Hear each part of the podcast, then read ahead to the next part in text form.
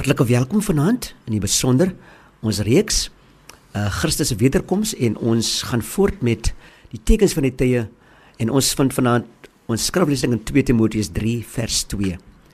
Die mense sal selfsugtig wees, geldgierig, grootpraterig en verwant, beledigend teenoor hulle medemense en ongehoorsaam aan hulle ouers, ondankbaar en ongodsdienstig. Mense sal 'n gedagte van godsaligheid hê, maar die krag daarvan verloor. En liewe luisteraar, mede pelgrim, kom ons erken in hierdie aanduur.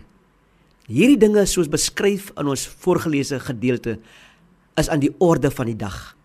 Op 'n daaglikse basis hoor ons van soveel gesinne wie voor die hof gedag word vir verskeie oortredings teenoor mekaar en die lys is ontelbaar.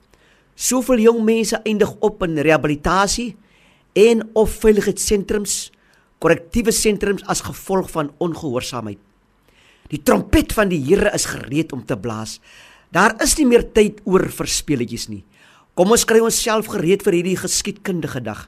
Die koning self gee vir ons die belofte: "Kyk, ek sal altyd met julle wees tot aan die volëinding van hierdie wêreld." Hy het beloof om ons nooit te begewe of te verlaat nie. Hy sal by ons wees totdat die laaste trompet blaas prys sy naam. Geniet 'n wonderlike nagrus.